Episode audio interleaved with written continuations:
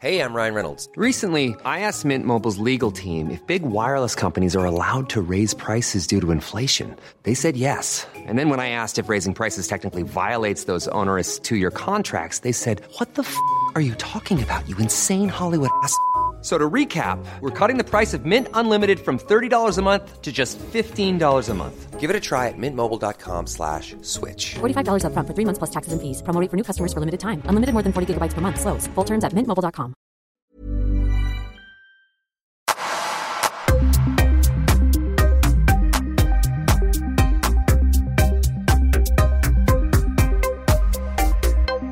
Nathalie Jonan, välkommen till Öppet sinne. Tack! Spännande. Det här är första gången som jag bjuder in, det är i och för sig inte första gången jag bjuder in en poddare, men du och jag har fått lite kontakt via Instagram. Mm. Och du har en podd som heter, Jag bara, svar. Hälsofulness-podden. Exakt, jag vill inte säga fel. Nej, jag men vet. Det är precis. lite krångligt ord det där. Ja. Men, men jag börjar egentligen vid den änden. Vad var det som fick dig att börja podda? Mm. Eh, nej men det var att jag, alltså jag ska säga så här, jag har hållit på med hälsa i ganska många år och sen så har jag liksom gått och så här känt att jag typ inte har hittat min grej. Ehm, och eh, Det har varit, liksom, alltså delvis har det varit kul ibland att bara så här, att testa olika saker, för jag har verkligen testat så mycket olika saker. Eh, men ibland har det också varit jättefrustrerande och verkligen känt så här, men jag har ju grejer som jag vill prata om, jag har ju intressen, jag har ju liksom, ehm, ja men jag också tror jag så här, känner att jag själv har fått så mycket liksom läkning på olika sätt. Mm. Kopplat till min egen hälsa och personlig utveckling och sådär. Och det har jag liksom längtat efter att få dela med andra och ja, men på något sätt bidra med. Liksom. Eh, så att, så det var själva starten. Sen så var det ju såklart ganska mycket kring så här, ja, men workshoppande, liksom, vad ska den heta, vilka gäster ska man bjuda, alltså du vet, allt sånt där. så att, eh, ja, men så det var, det, det var ja, egentligen bara kom till från, från den grunden, så att säga. Eh, Hur många avsnitt har du gjort? 25 avsnitt den här 25 veckan. avsnitt. Men, ja, Ja, när du har här, gjort 25 avsnitt den här veckan. Den alltså. här veckan släpps 25 stycken. Ja. Den här veckan släpps det 25 avsnittet helt Ja. enkelt. Hur frekvent eh, kör du? Kör du en gång i veckan? För vi var inne Mm. lite på det, men jag fattar inte om det verkligen var Mm. varje vecka. Jo, det är ju det. Och Mm. eh, Från början var det ju tanken så här, ja, men åtta avsnitt, en, en Mm. säsong typ. Eh, men eh, jag, har, jag hade jättetur och det var väldigt mycket så flow när jag skulle starta podden, så jag hörde egentligen bara av mig till en producent, eh, eller en mediabyrå. Liksom. Mm. Och då, då sa han att så här, ja, men det är inget bra att köra så här, bara några avsnitt, för då, då tappar man folk. Liksom. Mm. Så då ställdes det helt om för mig. Jag var så här, oh, shit gud, jag måste hitta mer än åtta gäster. eh, men det gick jättebra och det har verkligen bara flyttit på. Alltså, så, att, eh, så att nu kör vi. Det är varje vecka, nytt Mm. avsnitt. Spännande. Hur Mm. känns det nu så här 25 avsnitt in då? Vad, vad känner du förändringen och resan har varit? För Eh, min egen podd ligger ju nu, jag tror att jag släpper avsnitt 115 nu på onsdag.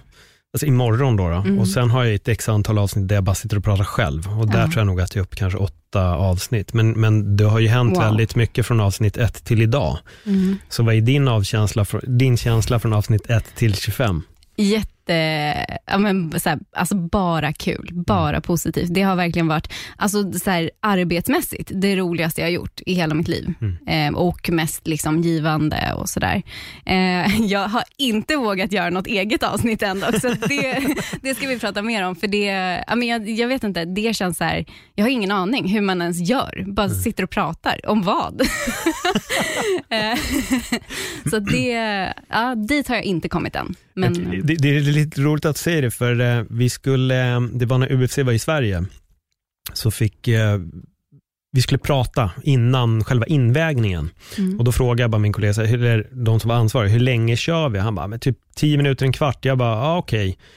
Ja men, ja, men det, det ska nog funka. Han bara, Paul, du brukar sitta klockan 12 på natten och snacka Facebook live i typ 90 minuter. Så jag tror den här kvarten för dig, den löser du utan Ah. problem. Jag bara, ja det gör jag nog. Gud vad smart, börja med typ en live. Ja, Ja. jag gjorde ju det på, eh, eller jag gör det till och från eh, fortfarande, just snackar live MMA, att Mm. folk bara får ställa frågor. Men vad Mm. gäller just att podda själv så blev jag faktiskt inspirerad av komikern Bill Burr. Det var där det började. Mm. Eh, för han har ju sin, eh, som jag inte kommer ihåg nu vad den heter bara, för det är om det bara är Billboard podcast eller om den Ja, heter typ det. Billboard en dag, en dag på veckan. typ. Mm. Han satt och bara körde själv och jag tyckte det var så Ja. jävla härligt att lyssna på. Mm. Och då var det så här, det här måste jag göra. Så då började jag producera en grej som heter Fredagspodden och det här var ju typ 2011. Och då var det bara att jag ville testa. Kan Mm. jag sitta och hålla låda i en timme? Eh, och det gick ju hur enkelt som helst. Så då fortsatte jag göra den. i- Jag kom inte upp i jättemånga avsnitt för att jag producerade på tok för mycket poddar på den tiden. Men där Mm. började det någonstans. Men att göra det i det här sammanhanget, öppet sinne, det är en annan grej, för då delar jag ju verkligen med mig av mig själv. Då sitter jag Mm. kanske inte bara liksom att så här, drar skämt i en timme och så roliga filosofiska grejer om lustiga saker, utan nu är det så här, okej, min karriär eller Ja. min inre resa, hur har jag gjort? Och det ja, det är lite knepigt när det kanske inte kommer en fråga. Men, Men jag tänker, det låter som att du typ eh, skriver dagbok fast i pratform. Ja, det blir ju en sorts självterapi, absolut. Mm. Men jag tror att mitt liv är lite så också. Jag Mm. har en tendens att gilla att analysera mig själv och Mm. prata i mitt eget huvud och utvärdera saker. Ja. Så jag tror bara att att dela med mig av det funkar ganska enkelt. Sen är det väl också att jag har hållit på med stand-up teater hela livet och Mm. allting faller sig ganska naturligt. Men det kommer. Jag tror att snart blir det de här eh, Nathalie Johanan eh, delar med sig. Precis. So, soul show kan den till och med heta kanske. Soul show, oj jäklar. Ja. Konceptskapande. Exakt, exakt. Ja, vad spännande. jag vet att det är många som, eh, jag jobbar ju en del med att coacha klienter och då Mm. gillar jag att rekommendera, alltså skriva dagbok. Liksom. Och Vissa har jättesvårt för just skrivandet, men att spela in på mobil funkar jättebra då oftast. Och jag Mm. tänker att det är lite samma sak, att man ja, bara sitter och snackar egentligen. Nej men det, det är det. det, är det. Sen, sen steget att liksom sända ut det, det är ett steg till som, som jag inte riktigt vet hur det ska gå till. Men, Men, ja. men du får ju väldigt mycket frågor när du gör dina, typ på Instagram Mm. då, så ser jag ändå att du får ju väldigt mycket frågor och där har ju du egentligen en uppskjut av ämnen som Mm. du skulle kunna gå in på precis som du besvarar dem. Och du skulle också kunna göra ställa era frågor och så är det första avsnittet. Mm, Det är lite en så- Q&A typ. Exakt, Mm. och då får du ju se, känna själv hur länge vill du gå in på ett ämne eller Mm. inte. Men det, för, för det vet jag att jag gjorde. Jag tror bara att sen så sket jag i alla frågor för att Mm. så här, en fråga blev en timme. Det var ingen har frågat, men jag tänkte bara, ja, nej men det är bra. Jag, jag, ska, jag ska lyssna på dina, Mm. dina de här soloavsnitten. För det, ja, det är ju någonting absolut som känns, eh, alltså det, det känns läskigt skulle jag säga, framför Mm. allt. Väldigt så här, utmanande och det är ju där man växer. oftast. Verkligen, Mm. verkligen. Vi måste utmana oss hela tiden. Mm. Vi måste släppa in. Men jag tänkte, och du, du säger ju själv att du gillar att testa nya saker. Ja, det är. Så den här står på tur. Definitivt. Den får, den får marinera lite till. Men jag tänkte lite när du var inne på läkning. Mm. Egen läkning. Ja. Vad, vad fick dig att eh, påbörja det? För nu pratar vi nog inte att du ramlade och fick ett skrubbsår Nej. och hittade oljor, esoteriska oljor och, och läkare. Men Ja. det är väl lite en inre process här du pratar om. Det är både inre och yttre. För ungefär 12 år sedan, mitt liv är väldigt uppdelat i så här, innan för 12 år sedan och efter för 12 år sedan. Mm. För det var en jättestor brytpunkt där. Eh, Jag träffade en kille som idag är min man. Eh, Vi har varit tillsammans i 12 år och det var, liksom, alltså det var typ som att blixten slog ner i, i mitt liv, alltså på alla möjliga sätt. Så om man börjar med att prata bara rent fysiskt, så ungefär två månader in, alltså kanske inte ens två månader, en och en halv månad in på vår relation, eh, så började det med att jag fick ett litet munsår och sen så blev det ett till munsår och sen så bara blev det som en ögoninfektion och sen så bara var hela ansiktet fullt av, alltså om du tänker dig en mix mellan finnar, eh, psoriasis, eksem, alltså det, det var verkligen en, eh, ja, jag, jag har aldrig sett något liknande. Och det hade inte läkarna heller gjort, utan de var så här, ja vi vet inte riktigt vad det här är, men vi kan erbjuda, de, alltså jag fick alla möjliga kortisonkrämer, eh, så här, ljusterapi på Karolinska, alltså allt, allt, allt. Och, men summan av det var ändå så här, ja vi tror att det här är kroniskt och du får lära dig att leva med det. Eh, och jag var 18 år vid den här tidpunkten, så du kan ju tänka dig så här, sista år på gymnasiet och så bara, ja, eh, jag ska lära mig leva med det här. Jag kan liksom inte... Och det, grejen är så här, det är en eh, del av det är ju hur det ser ut. Att man liksom, det första man ser när man såg mig var ju så här, oj, hjälp, vad har hänt med henne ungefär? Eh, men en annan del var ju att det gjorde extremt ont. Alltså att ha typ så här, finnar som är liksom akne, akne, alltså det, du vet på en nivå som Ja. inte bara är en finne. Det gör jätteont. Ehm, så ja, det var ju den fysiska aspekten som såklart var jätte, jättejobbig. Ehm, men sen så var det också, liksom, jag tror att det som utlöste det här, det var ju, dels gjorde jag en ganska stor eh, kostförändring när jag träffade honom, för att eh, jag slutade i princip röka, dricka, äta kött, alltså allt på så här, ja, men en vecka mer eller mindre. Ehm, och ja, ef- Efter det så liksom, det började någon form av utrensning för mig, rent fysiskt. Men sen så började det också, så här, det var första gången som jag började typ känna efter. Eh, jag, blev, ja, men jag, jag liksom öppnade upp emotionellt och det gjorde ju att det blev liksom på ett helt annat plan. Det blev ju en så här emotionell utrensning verkligen. Och den tror jag nästan var mer alltså så här, kraftfull och kopplad till de hudproblemen som, som jag fick. Eh, sen, jag vet inte hur kopplat det är, men sommaren som jag, alltså vi träffades i september och precis i typ eh, juli, augusti så hade jag fått en jättestark så här, eh, antibiotikaspruta när jag var utomlands. Mm. Så det kan ju också ha liksom, bidragit till att mitt immunförsvar var väldigt, väldigt svagt och ja men du vet, det, allt hänger ihop. Ja, nej, men absolut. Det gör det. Eh, ja. Så, att, eh, så det, det var liksom, ja, men jag skulle säga på, på bo, både ett emotionellt och ett fysiskt plan, en jättestor liksom, händelse i mitt liv. Och eh, där någonstans, i och med att jag inte fick, som jag upplever det, no, något typ av stöd från läkare eller sjukhus eller liksom vården, så, så blev det att jag började söka mig till det alternativa. Jag ska bara ta en klunk. Absolut. Alternativa som i, eh, vad tänkte du då? Ja, men- Utveckla det lite, för alternativ kan ju vara lite olika för, för alla. Vilken Ja. del av det alternativa var det du sökte dig till? Jag skulle säga att jag testade allt. Mm. Eh, verkligen allt. Alltså, allt ifrån zonterapi till eh, kine, jag har alltid svårt för det ordet, men kinesiologi. Vissa säger kinesiologi. Ja, Ja, ja, det finns antingen olika det. uttal. det finns olika uttal. Men, men, eh, ja, men det, alltså det var verkligen, jag skulle säga att det, jag har testat det mesta. Ehm, men, alltså, och, och där är också så här, jag skulle säga att allt det gav resultat, precis som på samma sätt att om jag testade en ny kortisonkräm så gav det resultat, men ingenting liksom egentligen läkte ut det totalt, utan det var som att så här, om, alltså framförallt skillnaden mellan det alternativa och medicinen, det var ju att när jag fick en medicin, då kanske jag la på en kortisonkräm eller tog tabletter och så försvann det helt i en vecka och sen kom det tillbaka, alltså värre än någonsin. Eh, medan om jag gjorde någonting alternativt, då var det mer att det blev värre direkt, kanske så här, en, två veckor efter. Det brukar kallas för förstförsämring. Och sen så efter de här två veckorna så blev det lite bättre. Så det är en väldigt intressant grej med just eh, alltså alternativt och medicin, att, eller i alla fall enligt min erfarenhet. Liksom. Ehm, och sen så, när jag hade gått med det här i, ja, det var nog nästan två år, då var vi av en ja, slump, eller vad man vill kalla det, min, min mans kusin skulle gifta sig, så vi var i Libanon. Och då, träff, då fick vi jag kontakt med en, eh, en så här medicingubbe. Liksom. och jag, jag hade så låg, vad ska man säga, mitt hopp var verkligen alltså, så lågt vid den här tidpunkten. Så att jag, alltså när de presenterade, eller så här, bara, ah, du borde träffa den här. Alltså jag var så, jag var inte ens intresserad. Typ. Alltså jag var bara så här, ah, ja, okej, typ, jag testar väl. Liksom.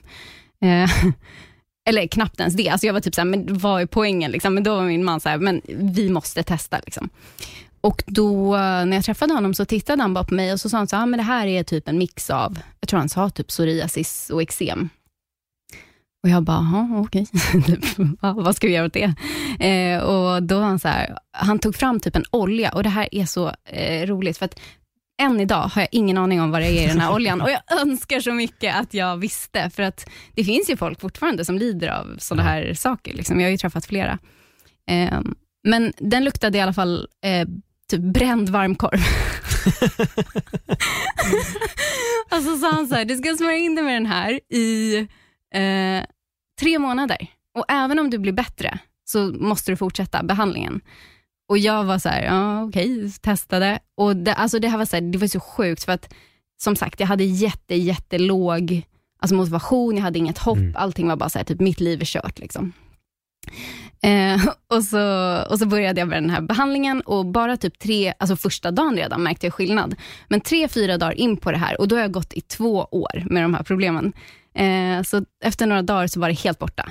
Eh, och efter typ en vecka, alltså då kunde man inte ens se att jag hade haft några hudproblem. Alltså det var inga är, ingenting.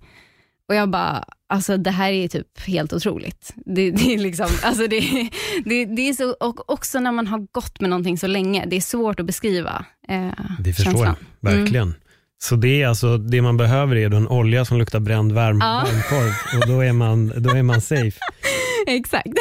Men, men alltså, så det här bara, det kom, det dök bara Det, upp. det var divine. Alltså det var ju sänt såklart, Mm. enligt mig. Alltså jag, och det är inte så här, för mig, jag tror jättemycket på att vi får alltså så här, mm, gåvor, eller vad man ska Mm. säga det, från vad man nu vill eh, kalla det eller tro på. Men, men att, att, eh, att det sker liksom kommunikation hela tiden. Och jag, menar, jag hade ju lika gärna kunnat välja att bara så här, skita i det där och bara nej, jag vet att det är kört. Liksom. Mm. Så att, eh, för mig var det jättemycket så här, ja, men en läxa i att verkligen våga tro på det som man inte kanske ja, har trott på, eller liksom inte kan förklara. Men är det inte lite det också, att när, jag menar, nu hade ju du testat det mesta. Mm. Eh, Det hade du gjort och då är det klart att när hoppet håller på att dö, då finns Ja. det ju ingenting att förlora. Och då Så är, man ju också. kanske också redo att testa någonting som vissa kanske då anser kontroversiellt. Men fan om någon Så ger en olja, så, okej men jag bara ska smörja in mig med den, så vad, vad kan hända? I värsta fall går det inte bort. Nej, men, Ja, verkligen. Nej, men det är så. och nu funkade det ju, men det är, Ja. ja, det är helt otroligt. Det är helt otroligt. Det har aldrig kommit tillbaka. Nej, men det är faktiskt väldigt intressant eh, fråga, för att jag har aldrig haft någonting liksom, som ens påminner om det, men igår, alltså helt otroligt, igår Mm. så fick jag någonting, jag har faktiskt det här precis under ögat, Ja, som det. Påminner jätte, jättelite, alltså det, det är ju väldigt liten yta, Mm. eh, men som påminner lite, det är lite samma karaktär som det jag hade liksom i hela ansiktet, hela halsen, armarna, knävecken, alltså jag hade det överallt. Eh, men nu pratar vi om att det här är typ så här två millimeter liksom, Mm. under mitt öga. Ehm, och det, jag är inte orolig, men jag märkte att när jag såg det i spegeln alltså igår, så väckte det verkligen en så här, åh, tänk om det kommer tillbaka. Alltså det är så Mm. mycket rädsla och så panik kopplat till den tiden, eh, som jag såklart inte är i kontakt med annars. Eh, så där fick jag verkligen sätta mig och andas och bara, okej, allt är liksom lugnt. Kommer det tillbaka så kommer jag kunna fixa det på något sätt. Jag är liksom, eh, vad ska man säga, jag har andra redskap idag tror jag, än vad jag hade då. Och eh, ja, jag vet inte riktigt varför det dyker upp nu under mitt öga, men, eh, men jag, eh, ja, jag, jag gissar att det kommer försvinna.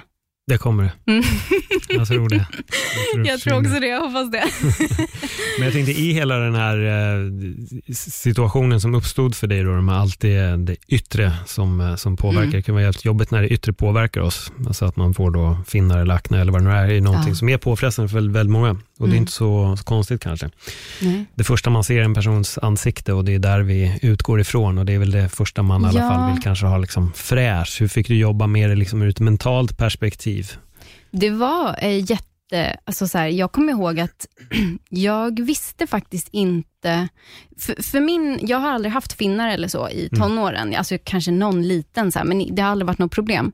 Så jag hade heller ingen koppling riktigt till, jag kommer ihåg att så här, om jag såg någon i skolan som hade så här grov akne, så förstod aldrig jag vad den personen gick igenom eller hur det kändes, eller, utan för mig var det bara så här, ja, men det är lite finnar. Alltså jag, jag, liksom, jag la aldrig själv någon värdering i det. Men när jag drabbades av det liksom, i- på mitt ansikte, alltså det var, ja, det, det var väldigt, väldigt nedbrytande. Det var liksom, precis som du säger, det första man ser när man ser en människa är ju ansiktet. Och jag kommer också ihåg att, så här, för även när jag läkte ut det här, alltså det värsta liksom, med den här korvoljan, eh, så kunde det komma tillbaka så här, några finnar. Liksom. Det, det var som att det, det var ändå lite pågående utrensning från insidan. Och när jag fick de finnarna så, så var det som att jag liksom, och jag kan känna igen det, för ibland får jag munsår också. Mm. Att det, det, är så här, det tar upp typ all mitt fokus. Ja, men det kan jag förstå. Så att det, det, det ja, jag, jag kan inte riktigt, och det är såklart enda sättet att jobba med det för mig är ju att så här, okej, det är bara ett munsår, eller det är bara en finne. Det är liksom inte hela världen, även om det känns så. Men lite det här, tro inte på allt du tänker. Nej, nej men verkligen. Och det gör vi gärna. Vi Ja. vill ju gärna tro på allt vi tänker. Egot Ja. kommer in och spökar och börjar Ja. pocka på vår uppmärksamhet och så börjar vi bygga upp de här fantasierna och de fantasierna känns otroligt rimliga och logiska Ja, när man verkligen. sitter där och, och spinner på dem. Men det betyder ju Mm. också att du har verkligen fått vara tvungen att jobba med, Ja, med verkligen. också. Och jag, alltså jag kommer inte riktigt ihåg när det var, men, ja, men typ så tio år sedan skulle jag gissa, så började jag yoga mycket. Alltså Mm. yogade varje dag, varje morgon. Och det såklart alltså, gjorde ju... Det, det, alltså, så allting är en resa. Eh, och för mig har det varit väldigt, resan har handlat väldigt mycket om att om, som jag sa, så här, det finns ett före och ett efter. Och när jag tittar på hur jag levde före de här 12 åren, så var det väldigt, alltså jag var väldigt avstängd. Jag var liksom, alltså så här, jag var fysiskt närvarande, men jag var alltid någon annanstans liksom, mentalt och väldigt bortkopplad känslomässigt. Så att yogan, alltså att, nu ska inte jag säga att jag är värsta meditatören, men, men liksom att få en ökad medvetenhet, alltså vara mer närvarande i min kropp. Och det behöver man inte meditera för att vara. Man kan ju vara närvarande alltså bara som att sitta här och prata. Så, att, eh, så att det har varit en jättestor övning för mig, att vara närvarande. när insåg du att du inte var närvarande? När jag träffade min man, Är det så? han bara, alltså du, vart är du? Ja. Ja men verkligen. Det var, men också tror jag för att så här, eh, man formas ju väldigt mycket av sin omgivning och alla, alltså sen när jag tittar på typ min familjekonstruktion och typ, ja, men sen nästan alla i min släkt, att det är så här, det är lite som en kanske sjukdom som går i släkten. Att man är inte liksom så närvarande. Så det Och- kommer från uppfostran kanske? Eller? Ja, väldigt mycket tror jag. Och, och också så här, ja, men, utan att hänga ut någon, men så här, om man har till exempel en förälder som missbrukar, då är, alltså det i sig är ju att vara, alltså att fly, att inte vara närvarande. Eh, och det tror jag, alltså det gjorde att sen när jag växte upp, så blev jag ju aldrig speglad i att jag är frånvarande, för att alla runt mig var mer eller mindre frånvarande. Eh, men när jag träffade någon som också var så här, inte hade känt mig sen innan och liksom, jag tror så här, såg mig på ett nytt sätt, då blev det väldigt tydligt för mig att så här, okej, jag är inte närvarande, jag är inte, det här är inte normalt. Liksom. Ehm, och eh, ja, men samtidigt så på ett kärleksfullt sätt kunde liksom Mm. Hjälpa. Eller så här, jag tror att det handlar också om att våga vara närvarande. Nej men verkligen och, och, och jag kan ju tänka mig, det blir ju en, det blir en insikt. Och det är inte alla som vill se det heller. Nej. Det finns ju de som, du hade lika gärna kunnat fått höra att du inte är närvarande och inte velat ta emot det. Mm. Och bara, äh, det är jag. Mm. Det är ungefär som när man säger till en stressad person, du är stressad och den Mm. blir skitarg istället. Och tycker att jag är inte stressad. Jag är inte stressad alls. Jag är inte stressad, fattar du? Så vi måste hit, måste dit, måste göra Ja. och bara fortsätter i sin stress. Jag menar, Jag har definitivt haft de, de Ja, det stunderna också. Ja. okej. Det har, varit, det har varit en lång process, men, och de första åren såklart var ju... Och det är så himla jobbigt också att bli närvarande. Det är jättejobbigt. Alltså, när, man, när man har levt ett helt liv, eller ett helt liv, jag var 18 år, men när man har levt liksom hela sitt liv i ett så väldigt frånvarande eh, tillstånd, då blir man ganska så här, det är så jäkla läskigt att känna saker och det är så alltså så här, mentalt jobbigt att typ bara ens hänga med. Jag kommer ihåg att så här, när jag satt i skolan, jag har liksom aldrig varit närvarande. Eh, jag, mina, alla mina utvecklingssamtal så var lärarna så här, ja hon typ sitter och så här, gör tusen små liksom, lappar av ett papper. Alltså jag satt och bara rev sönder papper. Alltså, det är liksom, jag, jag var verkligen bara någon annanstans. Mm. Allting, alltså, verkligen allt för att slippa vara, vara där mentalt. Du flydde nuet. Ja, verkligen. och det, alltså det är ju en, eh, det är ongoing. Alltså det är så här, jag kan ju märka det idag också. Att jag typ sitter och kollar på en serie och bara så här, vill bara ta upp mobilen. Eh, och det här är såklart inte unikt för mig, men, men jag tror att jag, det är viktigt för mig att fortsätta öva på det. För jag har väldigt lätt också att när det blir jobbigt att checka ut, Mm. eller ja, men så här, flyktbeteenden. Verkligen. V- vad har du mer för flyktbeteende? Jag tänkte, Du har nämnt mobilen, finns det någonting mer som du gör Mm. när det blir jobbigt? Ja, men mat, absolut. Jag, Mm. har, jag skulle säga att, eh, alltså om man ska prata om typ missbruk, så när jag var i tonåren, så jag skulle inte säga att så här, jag hade alkoholproblem, men jag kan absolut se att det hade kunnat utvecklas till det, om jag inte hade liksom, eh, vad ska man säga, tagit en annan riktning i livet. Eh, Men det missbruket som jag ändå, som har följt med mig, alltså ända sedan jag var liten, tills idag till viss del. Alltså, jag känner att jag jobbar ju så aktivt med det och jag, jag jobbar ju med att coacha andra och så, här, så att jag, jag har ju väldigt stor, eh, vad ska man säga, jag har många verktyg och jag har väldigt många liksom, sätt att jobba med det på, så att det är inte ett problem för mig idag, men det är definitivt det missbruket som har liksom följt med mig alltid i livet. När började det? Eh, Det började faktiskt en, eh, min farmor är ju från Portugal, Mm. så det började en sommar när jag var där. Och det är jättetydligt minne för mig hur vi, där är det väldigt mycket en kultur att så här, man ska äta och man ska liksom, man ska, man, så här, de är så rädda för, och framförallt min farmor, för hon var ja, men de, alltså extremt fattig, fattiga när de var små. Så att liksom, hon kommer från fattigdom och för henne är så här, att ha mat, att ha råd att äta, är, alltså det är så viktigt. Och, och att ett barn äter och gärna överäter, det är något positivt. liksom. Eh, Ja, lite snurrigt där, men ja. Ja, eh, och, och där blev det ju, för mig var det så här, jag kunde ju sitta vid matbordet och känna att så här, jag är mätt och vi vill inte äta mer. Men då var liksom bemötandet var alltid så här, ah, men ät lite till så får du dessert. Och då var, ja men dessert vill man ju verkligen ha. Eh, så då, ja, då, då åt jag upp och sen åt jag dessert på det och då vänjer man sig. Man, man lär, alltså både magen och, och alltså det, det blir så här, man kopplar bort från, från det liksom, kroppen har ju signaler. Nu är du mätt, nu räcker det. Eh, och när man går förbi den punkten, då är det lite som att man säger till kroppen att den här signalen är inte värd någonting. Så att du kan sluta att signalera att du är mätt. Eh, och det, det gjorde min kropp ganska tidigt. Och sen så såklart blev det ju också alltså, tröstbeteenden på det. Eh, mat har alltid varit så här, det första jag går till när jag känner att jag inte har kontroll.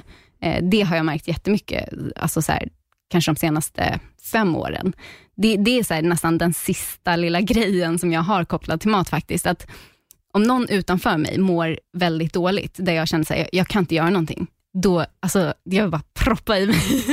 Va, vad är det som gör att du känner det? Vad är det som gör att du, du känner att du behöver proppa i dig den, i den stunden? Jag Eh, förstår ju att det är en bedövning, men nu försöker jag liksom gå lite djupare Ja. än bara att så bedöva mig. Ja, jag tror att det handlar jättemycket om att vara, för min del, ehm, alltså det låter fel att säga att man är uppfostrad, men det är faktiskt nästan som att jag kan känna att jag har uppfostrats till att vara medberoende. Mm. Så att när mina, alltså som sagt, det, jag vill inte hänga ut någon, men när en eller båda mina föräldrar har mått dåligt, så har jag liksom känt att det är mitt ansvar. Mm. Och Det här är ju såklart inte någon som gör medvetet, men efter många år av terapi så har jag ju förstått att så här, jag har ju, alltså sen jag var jätteliten, känt ansvar för mina föräldrars mående. Mm. Och det gör att så här, om min partner mår dåligt, så tror jag fortfarande än idag, liksom, snart 30 år gammal, att det här är mitt jobb att fixa. Eller det här är, jag, det här är mitt ansvar. Liksom. Och det, det triggar ju för mig Mm. den här äh, kon- känslan av liksom, jag har ingen kontroll. Eh, för, för sanningen är ju att ingen kan påverka någon annans mående. Alltså, ingen kan förändra. Man måste, man måste göra det själv. Mm. Eh, och Jag tror att när det kommer till mig själv så vet jag det till 100 procent. Alltså på alla plan. Liksom. Men när det kommer till Ja, men när det kommer till liksom andra människor, jag kan tänka mig, nu har inte jag barn, men om jag skulle ha ett barn kan jag tänka mig att det skulle vara samma grej, att det, liksom, det triggas igång någonting djupt inom en som bara blir så här, det är liksom inte, det handlar inte om att man kan tänka något nytt, utan det sitter så djupt rotat. Är du ensam barn? Nej, Du är det inte är det? jättemånga syskon. Okej. För det låter lite som att du har blivit tvungen att vara förälder åt är dina äldst. barn. Ja, jag ja, det är är det, äldst. du är äldst. Ja, Mm. det kan vara därför. Mm. Det finns ingen som skyddade dig, Nej, så och du var tvungen att skydda de andra. Ja, dels det. Jag var ju väldigt mycket så här, äh, minimamma till mina Mm. syskon. Men sen så var jag också, ehm, jag fick väldigt tidigt en, en så här roll av att, alltså jag var, typ om jag kollar på bilder från när jag var liten, alltså jag kan ju se att jag var jättesöt. Alltså du vet så här, d- ja, men en liten så här, som en gullig nallebjörn liksom. Och min personlighet var så mycket pleaser. Alltså jag ville aldrig vara till besvär. Jag, var så här, jag kunde typ sitta i bilen och vara så här kissnödig i flera timmar för att jag inte ville säga att jag ville gå. Alltså du vet, så knäppa grejer. Att man liksom bara totalt så förintar sig själv på behov för att inte vara jobbig. Mm. Och att det kan komma så tidigt. Det är ja. Allting har ju med, med uppfostran att göra och just som du säger det här med att vara medberoende, det sätter ju definitivt sina präglar och, och det låter ju precis här då som att du ja, ville vara både föräldrar åt kanske dina syskon Ja. och vara åt dina, även åt dina föräldrar, Ja. att, att vara där och skydda. Och maten för dig har ju blivit en, en annan typ av eh, beroende, vilket Mm. är jättevanligt och det är här jag tror att många tror att det bara är alkohol eller droger. ja. Men det manifester, kan manifesteras i vad som helst. Jag vet inte om Mm. du känner till Gabor Mate? Jag älskar honom. Ja, Ja. men han är superbra. Han trycker verkligen på det att, Ja. det är egentligen allt. Det kan vara mat, det kan vara shopping, det kan vara Mm. sex, det kan vara gambling. Det spelar liksom ingen roll. Det är så fort du behöver placera, liksom, lägga in någonting för att stjäla dina tankar från något annat. Och mat är Ja. väldigt, väldigt vanligt att man söker sig till. Ja, och som du sa, han fokuserar ju väldigt mycket på just eh, mat.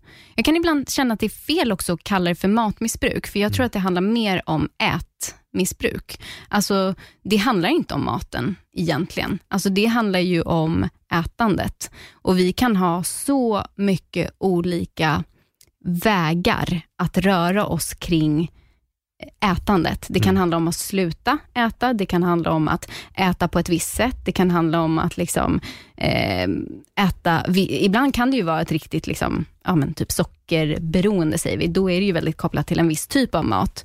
Men, men enligt, eller så här, det jag har märkt är ju att vi har, och väldigt många, väldigt många människor som kanske tror att de har en helt normal eller sund relation till mat, faktiskt inte har det.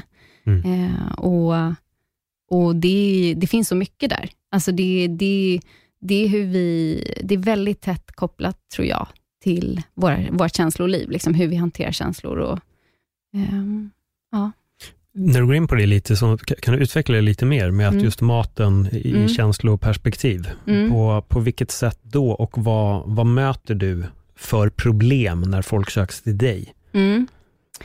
Ehm, jättebra fråga.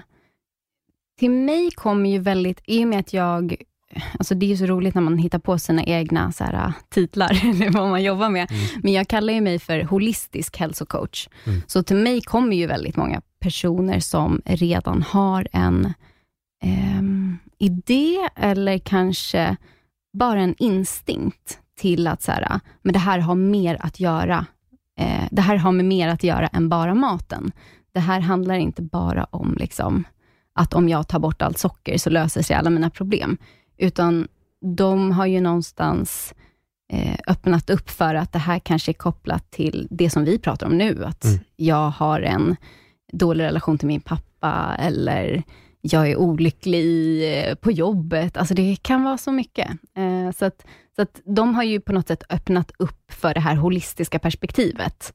Och det är ju det som jag känner att så här, jag tycker det är helt ointressant egentligen att jobba med människor eh, utan det perspektivet. För för Mm. mig så är vi, alltså vi är hela människor. Vi Mm. lever hela liv. Vi kan inte liksom gå in och bara så här, ja men nu sätter jag dig på den här dieten och då kommer du Mm. liksom, då kommer allt lösa sig. För att det är, det är en jättekortsiktig lösning och det, det är klart att man kanske tror att man har ett, ett så här, en vilja att få ett visst resultat. Typ, ja, men om jag bara går ner x antal kilo, eller om jag bara blir mer vältränad, så kommer jag liksom träffa partnern i mitt liv och då kommer jag känna mig älskad och då är allting löst. Liksom. Men oftast så är det inte, det löser liksom inga problem. Även om vi får det vi kanske tror att vi vill ha, så blir det oftast att så här, Jaha, men sen träffar man den där partnern och sen så märker man att jag kan ju inte känna mig älskad, för att det är, liksom, det är kopplat till det som var innan. Att så här, jaha, jag var tvungen att gå ner 10 kilo för att känna att jag förtjänade kärlek. Ja, men det är där problemet sitter. Mm. Ja, jag, jag håller med till 100 procent. Det, det holistiska tänket är förlorat. Mm. Eh, jag tror Paul Check som säger det, att vi har en expert för knän, vi har en expert för handen, vi har en expert för en armbåge, men det är ingen som tittar på helheten. Och, och.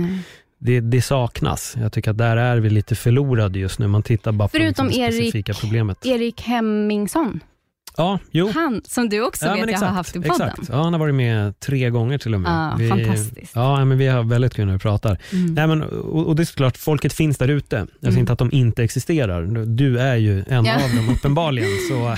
Ja. Men, men jag menar bara att det är väldigt vanligt och jag tror att söker man sig till den vanliga vården, Mm. då, då går man istället in i att du Ja. behöver gå till den här specialisten, du behöver prata med den på grund av det här och då blir det här att här får du ett schema och så följer Ja. du det. Men det är sällan folk kanske frågar, hur mår du? ja. Att verkligen gå in på det och verkligen fråga personen, vad händer egentligen? Och det är det där som jag tycker att folk, vi behöver koppla ihop det lite mer kanske här i västvärlden. Då vill man istället bara se det som alternativ medicin. Mm. Jag hade ju problem med knät och får en kortisonspruta bara Mm. sådär, Ja. boom, in. Och så säger jag, ja, men jag ska dra till naprapat och kolla. Ja, om du vill kasta pengarna i sjön, då går du dit. Om du vill ha hjälp, då kommer du hit. Jag bara, Ja. men vad fan har du gjort? Jag sa, jag har ont, du kör in en kortisonspruta utan en extra fråga. Och så ska jag bara gå hem. Ja. Kortisonsprutan gjorde ingenting. Nej. Jag fick fett ont i knät i två dagar. Sen kändes det typ lugnt, men den hjälpte ju inte något. I slutet av Nej. dagen så hjälpte den ju ingenting, utan det var ju först när jag började hitta de riktiga problemen. Precis. Då kunde jag lösa Ja. mitt knä.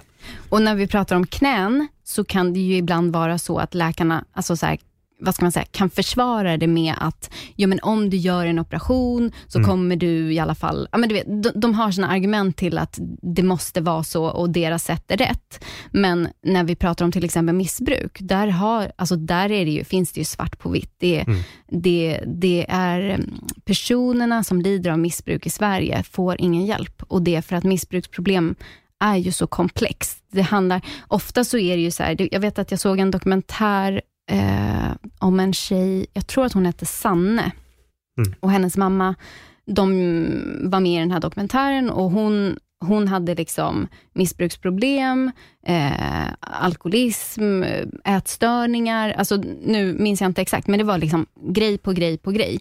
Och hon bara så slussas vidare. Alltså ätstörningscentrum, beroendecentrum, eh, vårdcentralen, bla bla bla. Alltså du vet så här, fram och tillbaka, fram och tillbaka, för ingen kan ta ansvar för, för problemet. För det, här, det är ingen som har den fulla kompetensen och kan, som du säger, sätta, dig, sätta sig ner med henne och bara så här, hur mår du? Vad har du varit med om? Varför, varför gör du det här mot Alltså det, är så här, det är ingen som vill ta det ansvaret. Och då faller ju personerna mellan stolarna och det är därför vi ser Alltså, nu är vi här på Söder, det är bara att gå till Mariatorget.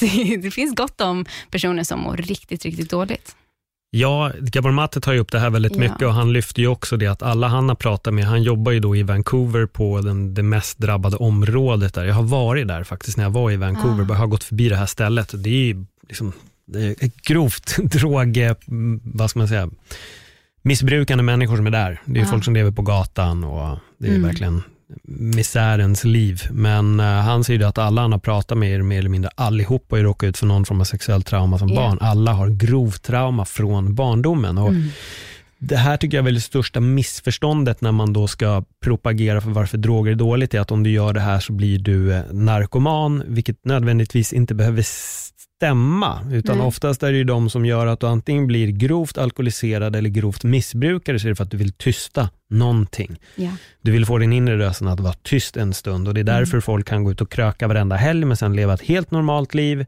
Men sen har du de som krökar och kan aldrig mer leva ett normalt liv. Nej. Men det, är ju en, det finns en, en orsak, någonstans där i bakgrunden finns det någonting och jag tror att vi har jobbat väldigt fel här i västvärlden i många, många år Mm. med att man ser bara drogen i sig som det största problemet, men man glömmer att även där titta på människan. Ja. Jag läste till exempel Magnus Lintons bok Knark, Mhm. där han tar upp allt det här, hur, kat- hur fel hela systemet funkar i Sverige. Och där går de in på det också, att det är en, en, en återberättande historia av en, av en tjej då, som börjar få ett missbruksproblem och söker hjälp, men då är hon inte tillräckligt missbrukare Nej. för att få rätt hjälp. Och hon Mm. söker hjälpen flera gånger, hon får inte det här metadonet, men till slut så slutar det med att hon börjar prostituera sig, hon börjar begå brott Mm. och hennes drogmissbruk blir bara värre och värre och värre. Ja. Men till slut så är det en läkare som skiter i allting och ger henne rätt hjälp. För det är typ som att du måste hamna på steg fem för att överhuvudtaget få terapi. Och det, det, alltså det är så, när man läser det så blir man bara, men Mm. snälla, Men, men, hjälp dem va? Ja, och det du tar upp nu, det gäller faktiskt, eh, alltså ur mitt perspektiv, Ja. så som jag ser det, så gäller ju det hela sjukvården i stort. Mm. För att, och, och verkligen om vi pratar om eh, eh, ätstörningar, för där är det också väldigt mycket så här, väger du inte under en viss eh, ja, men, vikt och eh, spyr du inte, gör du inte de här sakerna, då faller du i, i den här mellan, mellankategorin och då får du i princip ingen hjälp. Så, så där gäller det ju i allra högsta grad. Men också när vi pratar om Eh, jag har ju jätteintressanta gäster i min podd, men framförallt när jag pratar med eh, en gäst som, jag måste bara komma på namnet, Peter Ljungsberg, eh, som jobbar mycket med ayurveda. Eh, han berättar ju om det här med att liksom, i, i väst så har vi ett sjuk, sjuksystem, eller ett sjuk, vårdsystem, där vi bara egentligen vårdar människor när de är i steg fem. Mm. Så av fem steg, där liksom steg ett säger vi är frisk, steg två är liksom det börjar bildas lite så här, gifter, säger vi i kroppen. Eh, steg tre är där det börjar liksom stagnera, det börjar bli stopp i systemet, man kan inte längre gö- liksom göra rent kroppen som man ska. Steg fyra, det är liksom där vi börjar utveckla sjukdomar och steg fem är liksom så här terminal, du är liksom, det är point of no return. Och det är i steg fyra och fem som vi i, idag i Sverige behandlar folk. Kommer du in med ett problem som är lite det som du pratar om i ditt knä, det är ju förmodligen någon av de tidigare stegen. Och då får du ingen hjälp. Alltså Nej. då är det bara så här, plåster på såren, här har du en, en spruta. Liksom. Jag fick eh, spruta, jag fick röntga benet, jag fick ultraljuda benet och så fick jag tjata och tjata och till slut fick jag en magnetröntgen. Det var en lång process av verkligen tjat, för jag var tvungen att veta om någonting var paj. Nu var det inte det, men Nej. jag hade symptom. Men, men sen var det ju för att min symptom kom ju från andra hörn, att jag hade Mm. massa låsningar och spänningar och vad heter det, jag hade vätskefyllt i eh, en sena Mm. och tendinos i en annan. Och det är klart att jag kommer få smärtor i knät, men de svaren kom ju fram först när magnetröntgen kom in. Mm. Och sen har jag då kunnat behandla och börja jobba med det. Mm. men vad fan. Nej, det, var, det är skitsvårt. Här är det. Det gäller att tjata till. Och jag förstår ju också att det, det går inte bara att slänga in vem som helst i magnetröntgen. Jag fattar det. Liksom. Mm. Men det, det jobbiga är ju när man får gå in ihärdigt och tjata. De ville hellre göra en titthåls... eh, Gå in och göra titthål än att magnetröntga. Och det säger jag tvärnej till. Jag bara, Mm. Inget ingrepp, utan först magnetröntgen, sen ingrepp. Men jag vill inte göra ingrepp för att veta om vi ska göra ett ingrepp till. Nej, Jag bara, det händer inte liksom. Ni sätter inte in en, en skalpell i mig innan det. nej. Och ja, läkaren lyssnade och till slut så fick jag min magnetröntgen. Men eh, nej, ja, ja, det, är, det är jättesnurrigt. Vården här är väldigt, väldigt snurrig och jag kan bli frustrerad när det sen ska kritiseras om det som de då kallar alternativ vård. Mm. Eh, Men man får inte glömma heller att sjukhuset, om vi backar bandet till om det är någonstans mellan 50 och 70-talet, känner du till mannen med ishackan? Nej. Nej, det här var en välmeriterad läkare som hade den bästa lösningen på att bota folk från deras så kallade, vad ska man säga, psyk psykiska problem. Ja. Eh, ishackan är då en lång pigg i princip, Aha. som man, man håller i, så det ser ut som en hacka, så att man har fingrarna i hackan. Så det du gör är att du sticker in ishackan i ögat, rupp, rakt in och så drar du upp och så drar du ner och så drar du ut den igen och så är personen halvt lobotomerad och i princip botad. Eh, och det här körde han på hela tiden. Han har till och med gjort de här ingreppen i tv. De har tv-sänds Ah. för att det här var liksom the shit. Ishackan var grejer. Så här botade vi folk med mentala problem. Eh, och han ska tydligen ha gjort det på någon så här, filmstjärna, en kvinna, som var verkligen en, en uprising film, film, filmstjärna, men hon mådde dåligt. Är det här i Sverige? Nej, det här är USA. Det här är USA. Eh, han har gjort det på henne och hon blev helt lobotomerad och Mm. var helt förstörd. Men han, han fortsatte ända in i graven och envisas med att Nej, men det här är bra. Det här är bra. Och det är läkarvården. Mm. Men sen om någon då säger, du, ah, ha, ha, va? Fick du en holja som luktade varmkorv? Nej, nej, nej, nej. Låt mig bara köra in den här ishackan och s- skära av några strängar i din hjärna så ska allt bli bra. Ja, men, och- alltså så här. Om, om vi tar det här exemplet, Mm. eh, ishackan. Det är klart att alla som hör på det nu kommer tänka så här, men gud vad hemskt, det låter Ja. helt vidrigt. Men jämför det med all medicin som skrivs ut. Ja, jo, är Vad är skillnaden? Alltså det, det är självklart att det, det är mer aggressivt att trycka in en ishacka i någons öga, Mm. men, men effekten som du får av det, att någon blir typ helt lobotomerad, är i Mm. kontakt med sig själv, kan inte tänka klart. Alltså det är jättemycket samma sak egentligen som händer med folk som får antideppmedicin och liksom allt möjligt. Sen vet jag, jag ska inte försöka, eller så här, jag ska inte trampa någon på tårna, för jag har vänner som går på antideppmedicin. Jag vet att folk, eh, det finns människor som känner att så här, de klarar sig inte utan det. Men om jag ska vara lite kaxig då, Ja. så kan jag väl säga att så här, ehm, jag, enligt mig så tror ju jag att det finns sätt att må bra och det finns sätt att läka och precis som att vi kan läka, vår kropp vill själv läka, så tror jag också att vårt sinne och våra känslor och vår själ vill självläka.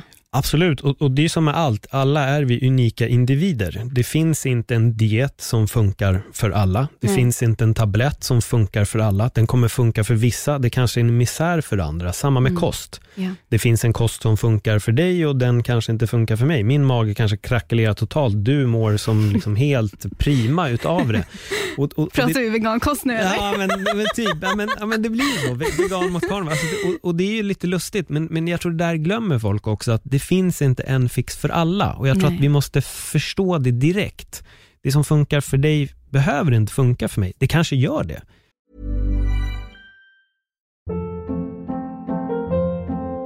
Hold up. What was that? Boring. No flavor. That was as bad as those leftovers you ate all week. Kiki Palmer here, and it's time to say hello to something fresh and guilt-free. Hello Fresh. Jazz up dinner with pecan-crusted chicken or garlic butter shrimp scampi. Now that's music to my mouth. Hello Fresh. Let's get this dinner party started. Discover all the delicious possibilities at hellofresh.com. Many of us have those stubborn pounds that seem impossible to lose, no matter how good we eat or how hard we work out. My solution is PlushCare. PlushCare is a leading telehealth provider with doctors who are there for you day and night to partner with you in your weight loss journey. They can prescribe FDA-approved weight loss medications like Wagovi and Zepbound for those who qualify. Plus, they accept most insurance plans. To get started, visit plushcare.com slash weight loss. That's plushcare.com slash weight loss. Men, men det behöver inte göra det. Och speciellt med, med piller. Alltså, Mm. Det finns de som du säger som mår jättebra på det här Mm. och det finns de som blir ännu sämre. Men det där och är det ju är en sån jätteroligt. balansgång. Om jag får då fråga dig, Mm. när du säger så här, det finns folk som mår jättebra på det här. Mm. Det tror inte jag på. Nej, jag, jag talar inte ur egen erfarenhet. jag bara säger att det Ja. finns säkert de som mår väldigt bra på det. Men, men jag är ju kritisk mot att den typen av medicament som delas ut, Ja. det är det som stänger ditt sinne. Ja, Alla medicament som är olagliga är de som öppnar ditt sinne och det börjar tittas mer på dem. Ja. Jag har haft tre gånger tror jag tagit upp ämnet i podden där det är forskningsbakgrund och det har en mycket bättre effekt. mm. Men man har, ju, man har ju lagt under kategorin livsfarligt knark, du blir helt sjuk i huvudet. Idag tittar vi på till exempel psykedelia, jag pratar om det, om det är någon som inte förstår det. Idag när man tittar på det så börjar man se det ur ett nytt perspektiv, att det fan med hjälper. Mm. De gjorde ju ett test med svamp var det, eller om det var svampextrakt, sak samma.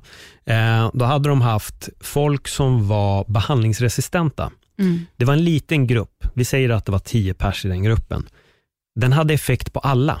Mm. Alla fick effekt. Effekten varade bara olika tid. En kanske mådde bättre i en vecka, någon kanske mådde bättre i ett halvår. Mm. Det var väldigt individbaserat. Mm. De har gjort om det testet på större grupper och haft samma effekt, men tiden varierar även där. Mm. Problemet med de här personerna nu som får det här är att när testet är klart, då får de det inte igen. Och det Mm. upplever ju de som frustrerande för att de mår bra. Ja, De har mått klart. bra, de har fått kontakt med sina känslor. Men självklart, om vi har ett huvud som spinner och så väljer vi stäng det här. Det är lite som jag, som jag, jag satt och pratade om det precis när jag poddade här innan. gråt Mm. eller eh, känslor. Om, vi inte, om du inte pratar, Mm. då stänger du in. Om du inte gråter, stänger du in. Mm. Om du då har tankar som du blockerar med medicin, men då stänger du för fan en jävla hjärndörr för dem. Mm. De kommer alltid ligga där. Jag håller med dig. Vi måste Mm. våga blicka inåt eller Mm. jobba med vårt inre. Men det är inte alla som vågar det och då är det lättare att säga, vänta kan jag inte ta en tablett? Precis, för det handlar ju också om att eh, alla människor har inte ett supportsystem i sitt liv. Alltså människor runt omkring sig som kan ta samtalen, som finns där. Alltså både rent fysiskt finns där, men också mentalt och känslomässigt. Eh, det är otroligt få Eh, alltså såklart beroende på vilk, vilka kretsar man umgås, men, men jag skulle säga om man tänker så här, vanlig Svensson, det är inte så många som klarar av att alltså, hålla space för en person som mår riktigt dåligt Mm. och, och låta den på något sätt eh, gå igenom det jobbiga utan att man så här, försöker skynda på det eller försöker få den att sluta må då. Alltså det, Vi har ju så mycket så här, så fort någon mår dåligt så vill vi bara, det. alltså hur ofta säger inte folk till småbarn, sluta gråt eller Mm, typ ta en klubba. så här, att man liksom vill, man ger dem ofta mat, sötsaker, godis för att inte vara ledsna, för att, för att ta bort fokus från en känsla. Mm. Och som jag ser det så är känslor bara kommunikation. Så att om ett barn är ledsen så finns det någonting att lära sig av det.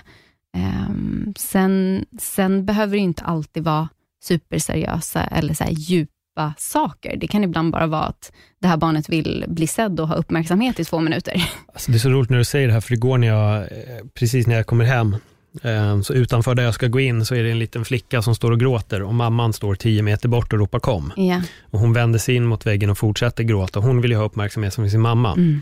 Eh, och det här är då lustigt nog precis utanför där jag bor, så även när jag kommer in hem så Ja. hör jag ju hur den här lilla flickan står och gråter. Ja. Jag kunde nästan bli irriterad på den här Mm. mamman, att här, jag förstår poängen du vill göra, Mm. men den här lilla flickan är fyra år och just nu känner hon sig bara övergiven. Mm. Släpp din stolthet och gå fram. Mm. Ta henne bara. Mm. Liksom, sluta leka att hon ska lära sig någon form av läxa, Ja. för där överger du henne. Ja. Nu, Har du barn? Nej. Nej, inte jag heller. Jag tycker det här är jätteintressant för att jag märker att jag ofta eh, inte vågar riktigt prata om så här, Mm. barn och typ barnuppfostran och så, för att det känns som att det finns en lite så här, eh, vad ska man säga, stämning, eh, eller så här allmänt, att folk är så här, om du inte har barn ska du inte uttala dig. Mm. Kan du känna igen det? Ja, jag tror att i vissa instanser tror jag skiter i det, för alla föräldrar gör ändå inte rätt och alla föräldrar har olika åsikter om hela den, den biten. Jag har haft några i podden där vi har pratat just om barn och det har varit, med Gabor Mate tar ju upp det här med Mm. att när ett barn gråter, om inte du hämtar den, vad kommer den känna? Jo, Mm. övergivenhet. Mm. Och det, det slog mig så mycket, Ja, den här ja. ungen gråter ju bara för att hon känner sig Mm. övergiven nu. Hon, hon vill 100%. få uppmärksamhet av sin mamma och hennes mamma ger inte henne det. Nej. Vad kommer hända i framtiden? Hon kommer veta att gråt kommer aldrig ge henne något. Det här är en traumatisk upplevelse och, jag, och jag, Mm. Ja. jag kunde se den, men hennes mamma var mer, ja, nu ska hon lära sig att det är nog bara att komma. Nu är det inte som att jag pratade med hennes mamma, men jag fattade ju det direkt när jag kommer upp för trappan och ser hon bara, kom nu, Ja. kom nu, och så står hon och gråter och morsan går bort så att hon kommer längre och längre bort från den här lungen. Men gå bara dit och ta henne. Mm. Det är ett barn. Det är Och ett barn. grej, grejen är så här, det är ju en traumatisk upplevelse såklart Mm. för det här barnet. Och Jag tror att ibland eh, tror vi att trauman är mycket större än vad de är. Vi tror att ett trauma är så här, oh, sexuella övergrepp eller liksom. ah, nej, det men, absolut men på riktigt, typ att lämna sitt barn på dagis kan ju vara ett trauma. Mm. Men både tror jag för barnet och föräldern. Och vi, jag tror att vi glömmer kanske ibland hur traumatiskt det kan vara att, alltså så här, nu som sagt är inte jag förälder, men även föräldrar kan ju få trauman av hur de eh, är i liksom, samverkan med sina barn. Och, och Det är det jag menar med att här, jag tror att hela samhället behöver börja bli lite mer holistiskt och vi behöver börja öppna upp för att prata mer och förstå att så här, vi, behöver, vi behöver bli mer mänskliga och våga, eh, våga prata om allt möjligt. Och Som jag sa innan, så här, att bara för att man inte har barn så ska man inte liksom inte våga prata om barnuppfostran. Mm. För att det betyder inte att bara för att jag inte har haft barn än, att jag inte vet hur det är att vara ett barn, att jag inte vet hur det är att ha en förälder. Alltså förstår du vad jag menar? Att liksom, Jag tror att vi alla kan prata om det, för precis som du säger, vi har alla varit barn en gång i tiden. Vi vet själva vad vi har mått bra vad vi har mått dåligt av. Vi har våra är, precis som du säger. Det, det är, vår, vår barndom kommer att spegla vår liksom, vuxendom, om man nu kan säga så. Ja. Och, och så är det. Och jag menar, blir du övergiven på det sättet, men det är ju som själv. Jag sitter ju också med en självrannsakan om min egen barndom och jag ser ju fler och fler små detaljer ur mitt liv som har präglat mig till den jag är idag. Även i relationer eller i aspekt till att liksom umgås med folk. Så till slut ser man att alltså jävlar vad den grejen har påverkat mig otroligt mycket i mitt liv. Så absolut, den här ungen gråter, hennes mamma har gjort henne illa genom det här. Sen förstår jag att det är det här man ska lära någon form av läxa och de ska inte alltid få exakt som de vill. Jag fattar, liksom, jag förstår och det finns eh, vissa gånger då, det, då man kanske måste göra det. Men när jag såg det här och jag går in och jag märker att det här fortsätter i tre minuter till, då är jag så här, men ge dig bara. mm, Gå bara dit och ta henne därifrån. Liksom, för henne ger du glädje mm, och för dig själv, vad gör du? Du sväljer din stolthet i en halv sekund. mm. Alltså, gå bara dit, hjälp den här lilla flickan. Så fan, Ja. kanske står och bölar så där var och varannan dag. Vad, vad, vad gör den här tjejen om 20 år? Ja, Hon kommer ju aldrig ha tillit till någon eller känslor kommer bli panik mm, för henne. För att återigen står hon utanför den här dörren och är övergiven utav sin mamma. mm. Så må, det, även om jag inte har barn så kommer jag ha ganska starka åsikter om, om vad Ja, man men det är bra. ska Jag, göra. jag tycker det är fantastiskt. Och jag tycker Mm. det är, alltså eh, just det här med att prata om saker och våga prata om saker, även om folk kanske Mm. tycker att man inte har något att komma med. Eller så här, det tycker jag är superviktigt. Jag tycker så här också, jag, jag tror att hör du det här just nu och tar åt dig och blir arg, Mm. då får du fråga dig själv som stoiциsterna säger, är det sant Ja. eller är det bara skitprat? Ja. Fråga dig själv varför du blir provocerad av det jag säger. Ställ dig själv frågan, varför blir jag egentligen arg av det Paul säger? Vad är det som speglar i dig? Mm. För man väljer att ta åt sig. Så fråga dig själv, är det jag säger sant? Är det därför det gör ont i dig? Eller pratar jag bara massa skit? Om jag pratar skit, då vet jag inte ens varför du tar åt dig. Ja. Om det är sant, ja, då har du svaret. Jag tänker också att, här, att, att bli triggad säger ju väldigt mycket mer om oss själva än om personen Absolut. eller eh, situationen som vi blir triggade av. Ehm, sen kan det ju vara eh, olika många steg fram till att förstå liksom, själva triggern och vad det är som triggar. Jag kommer ihåg, alltså det har hänt mig så många gånger just med så här, eh, vad ska man säga, teachers inom liksom personlig utveckling, där jag har typ hittat någonting, kollat på en video och bara känt så här, hela kroppen bara så här, "Ah, jag vill bara stänga av, vad är det här för jävla idiot liksom? Och sen typ tre år senare så bara, det här är fan den bästa. men då var man inte mogen och då var man liksom inte, eller mogen, men jag var inte mottaglig. Nej. Nej, men jag tror också att vi vill, vi vill ta åt oss, vi vill missförstå. Vi, vi, Vi vill ge- triggas. Ja, vi vill koppla till det här negativa och, och där tycker jag ändå på något sätt det stoicisterna gör, det är så bra att fråga dig själv varför tar du åt dig? Och det här började i att det var en som tyckte då att man ska inte förolämpa varandra. Men den andra menade att förolämpning, det är något du, du väljer att bli förolämpad. Du väljer att bli triggad av det här. Det är till exempel som rappare, om de sjunger the n-word, det spelar ingen roll. Men sen var det någon rappare som tog upp en vit tjej och bara sjung med mig nu och så började hon sjunga med Ah, och så kommer the n-word. Han bara "Ey, stoppa, du kan inte säga. Bro, du tog upp henne på scen. Du säger sjung med mig. Hon gjorde det. Ja, jag Alltså, håller med. vad, vad, vad vill du göra för markering? Om, om, om du ogillar det här, sluta säga det själv då. Ah. Jag har ingen respekt för folk som tycker jag kan säga det här men inte du. För jag hamnade i en sån diskussion med en gång för många år sedan när jag Mm. Aha. poddade. Och då hade vi skämtat lite om eh, hashtaggen homo riots tror jag det var. Mhm. Det var århundradets mest harmlösa skämt och då började en kille förklara för mig hur mycket fel jag gör, att jag kan inte skämta om det här, bla bla bla bla bla. Något år senare startar han en egen podd och han sitter själv och bara drar 10 000 grövre skämt än mig om det, men han kunde då backa upp det med att han, han tillhörde ju den här Ja. falangen då, så det var okej. Mm. Och han skickade då någon video till mig, titta på den här komikern som förklarar varför man inte ska skoja om det här. Och då sa jag det, jag bara, jag har lyssnat på din podd och jag har hört er prata. Mm. Ni är värre än oss. Mm. Ja, men du kan inte rättfärdiga det med att du liksom tillhör det. Nej. Det är som att jag ska säga, ah, jag är halvspansk svartskalle, vet, jag bara drar alla blatteskämt jag kan. Sen kommer någon svensk blond kille och bara, "Ö, du, du vet alltså jag har rätt, men du, ah. Nej, alltså det, jag tycker inte att man kan gömma sig bakom det. Om du kan skämta om det, då kan du inte kräva att någon annan inte ska. Eh, Det är som när folk håller på med cultural appropriation och sa att den här personen skaffade dreads, det är fel. Jag bara, ah, okej. Är, det, liksom, är det där, varför ta åt sig? Jag tror att folk får istället börja fråga, varför ta åt sig? Ja. Varför gör vi det? Skit i det bara. Det, här, det spelar ingen roll. Nej. Är det sant eller är det nonsens? Det är det du får börja ifrågasätta själv. Är det sant eller är det liksom bara nonsens? Ja, jag, eh, jag tänker att mina, mina åsikter kring just cultural, alltså det här är ytterligare ett ord som jag tycker är svårt, cultural appropriation.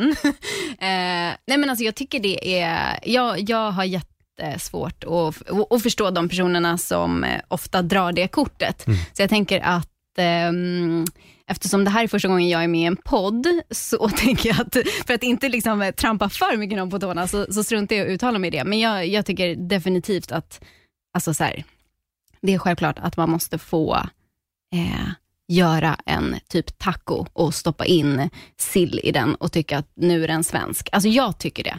Eh, jag tycker inte det är att sno från någon, jag tycker bara det är hela, hela basen av så här, kreativt tänkande. Alltså vi måste få använda av liksom olika kulturer utan att bara, det här är en taco från Mexiko, men det är sill i från Sverige. Alltså så här, hallå, det blir jättejobbigt. Nej, men det, det har hamnat på en... eh, Jag tror att allting har gått lite åt ett extremt åt fel håll vad gäller vissa sådana här tankar om, om appropriation, eller vad fan det nu än må vara. Liksom. Jag, det, det är också det här lite att folk vill gärna försvara någon och det handlar egentligen inte heller om dem själva.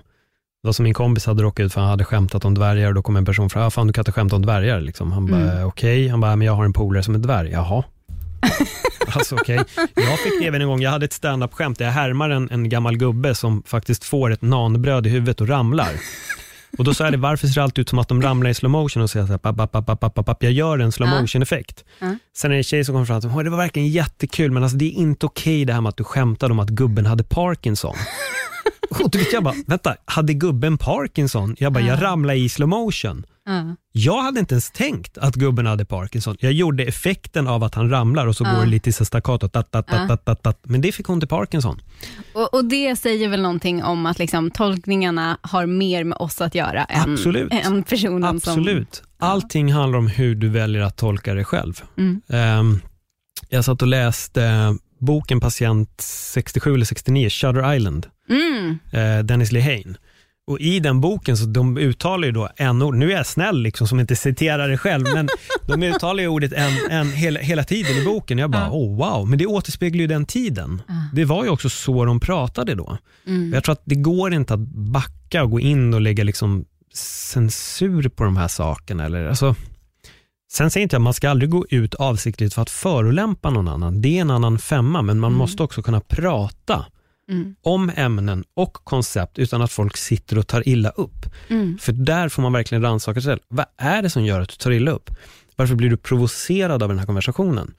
Eh, det var så roligt, jag hade hade en gäst i podden och vi kom in lite på Jordan B. Peterson och han Ah. bara, ah, så du är en Jordan B. Peterson-apostel sänd för att skydda honom? Jag bara, nej, men han är också en otroligt missförstådd person. Det märks att folk har hört, hört om honom och baserar sin åsikt om det de har hört, men ingen har lyssnat på han. Jag hade en annan gäst som var så här, ah, gud den där idioten. Jag bara, har du lyssnat på han? Nej, det har jag i och för sig inte gjort, men jag har ju hört.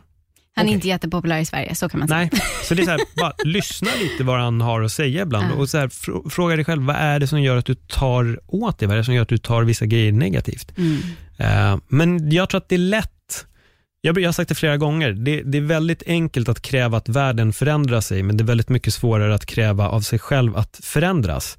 Och det finns vi som gör det, typ som du, och liksom man, man vill blicka in, vem, vem är jag? Varför är jag en idiot och varför resonerar jag så här? Varför tar jag åt mig av allt det här? Men oftast när vi tar åt oss, det handlar ju om att oftast så är det ju för att det är sant och sanningen gör ju ont. Alltså, det Ja, men och, jag tror att det är bra att vi triggas. Alltså, jag tror på riktigt, alltså, som, jag vet inte hur du formulerade det, men lite så här, självklart ska vi inte liksom, eh, göra någon, eh, alltså, gå ut för att liksom, förolämpa någon Nej. eller så, men ibland kan jag också tänka så här, men fast det är ju en del också av livet. Mm. Att ibland så förolämpar vi folk, medvetet eller omedvetet.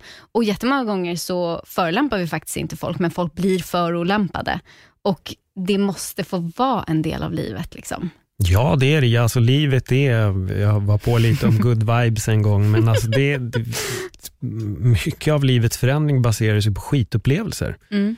Det gör de ju. Jag tror att, lite, det jag menar med det här, att jag går inte ut med, en- ond intention att vara provokativ mot någon. Nej. Då tycker jag att då gör man fel. Om, om, om, om du kommer hit och det enda jag är ute efter är att liksom trycka ner dig i dojorna, Mm. är jag inte en schysst person, då handlar det nog inte längre om att du tar åt dig, utan jag är ju avsiktligt dum. Mm. Men att inte ha en sån intention, men någon ändå då vill ta det negativt. Mm. Där tror jag problemet är och det är där man får börja ifrågasätta sig själv. Vad är det? Det är typ som när någon frågar, har jag gått upp i vikt? Och det här är då, killar skiter ju i den kommentaren, men så här, har jag gått upp i vikt?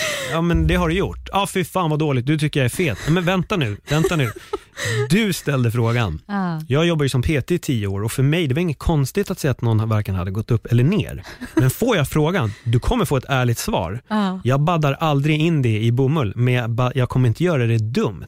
Men om du Nej. säger så här, fan, har jag gått upp fem kilo, jag får inte på mig de här jeansen. Mm. Eh, ja, det, du kommer ju inte i dem. Alltså, Ja. Du har ju svaret själv. Ja. Men och sen väljer det till att du tycker att jag är fet, och bara, wow, Mm. nu får du nog rannsaka dig själv i det här. Ja. Du ställer en fråga, jag svarade.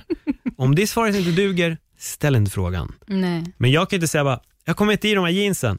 Shit vad konstigt, de måste ha krympt i tvätten va?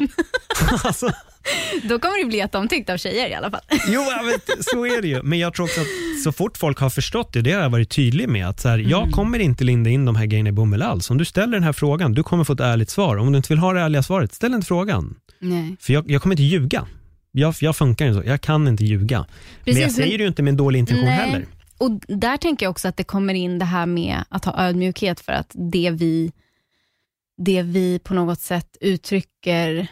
Alltså för ibland kan jag känna så här, vissa människor har en väldigt... Eh, det är roligt också när man börjar podda så här, och Mm. träffa väldigt mycket olika människor och gäster. Och vissa har ju en väldigt så här, ah, men så här tänker jag och det här är mina upplevelser. Och andra bara, så här, så här är det. Nej, alltså du vet. Eh, och det kan jag tycka, alltså jag, jag kan tycka att det är väldigt charmigt. Jag kan tycka att det är eh, jag förstår att så här, certainty sells. När man, när man har en viss auktoritär ton och när man liksom eh, man sitter på sanningen. Det, det gillar folk, för vi känner oss trygga i det. Och, och, och som jag sa, jag kan tycka att det är väldigt charmigt och underhållande och ofta är det också väldigt så här, karismatiska personer. Men det farliga är ju om det är kanske någon som är yngre eller mindre erfaren, som kanske inte kan jättemycket inom hälsa, som sitter och lyssnar på det här. Och så tänker de att så här, men det här är ju den gästen som lät mest säker, så hon eller han sitter förmodligen på sanningen. Liksom. Eh, så att man får ju också vara noga med att så här, Alltså för att ta det tillbaka till ditt exempel, att liksom så här, ja du har gått upp i vikt så som jag ser det. liksom, I mina ögon så, eh, att man ändå har den ödmjukheten för att så här, det, här är, det här är enligt mig eller min upplevelse, så att det inte bara blir så här, sanningen är att du väger idag.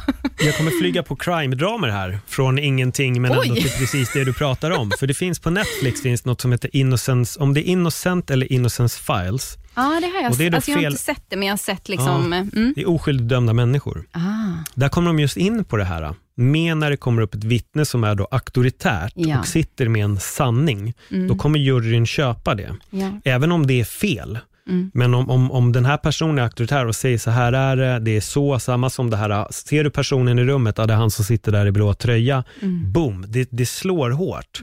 Så att vi vill gärna gå mot det som känns mest trovärdigt och den som säger mest sanningar. Sen tror jag att vi som på något sätt sitter med någon form av sanning, vi vill hålla oss så nära till verkligheten som möjligt. Så vi kan definiera oss med, med, typ, med jag tror eller så här är det, typ, kan vara, det är svårt, det är komplext. De andra bara, det är så här, det är så, papp, papp, papp. Och då vill man gärna följa den personen. Men, men du borde nästan se det, jag vet inte exakt vilket kommer avsnitt det, jag här göra. är, men där, de går in på väldigt mycket just psykologi i, juryrum, eller i rummet. Då, då.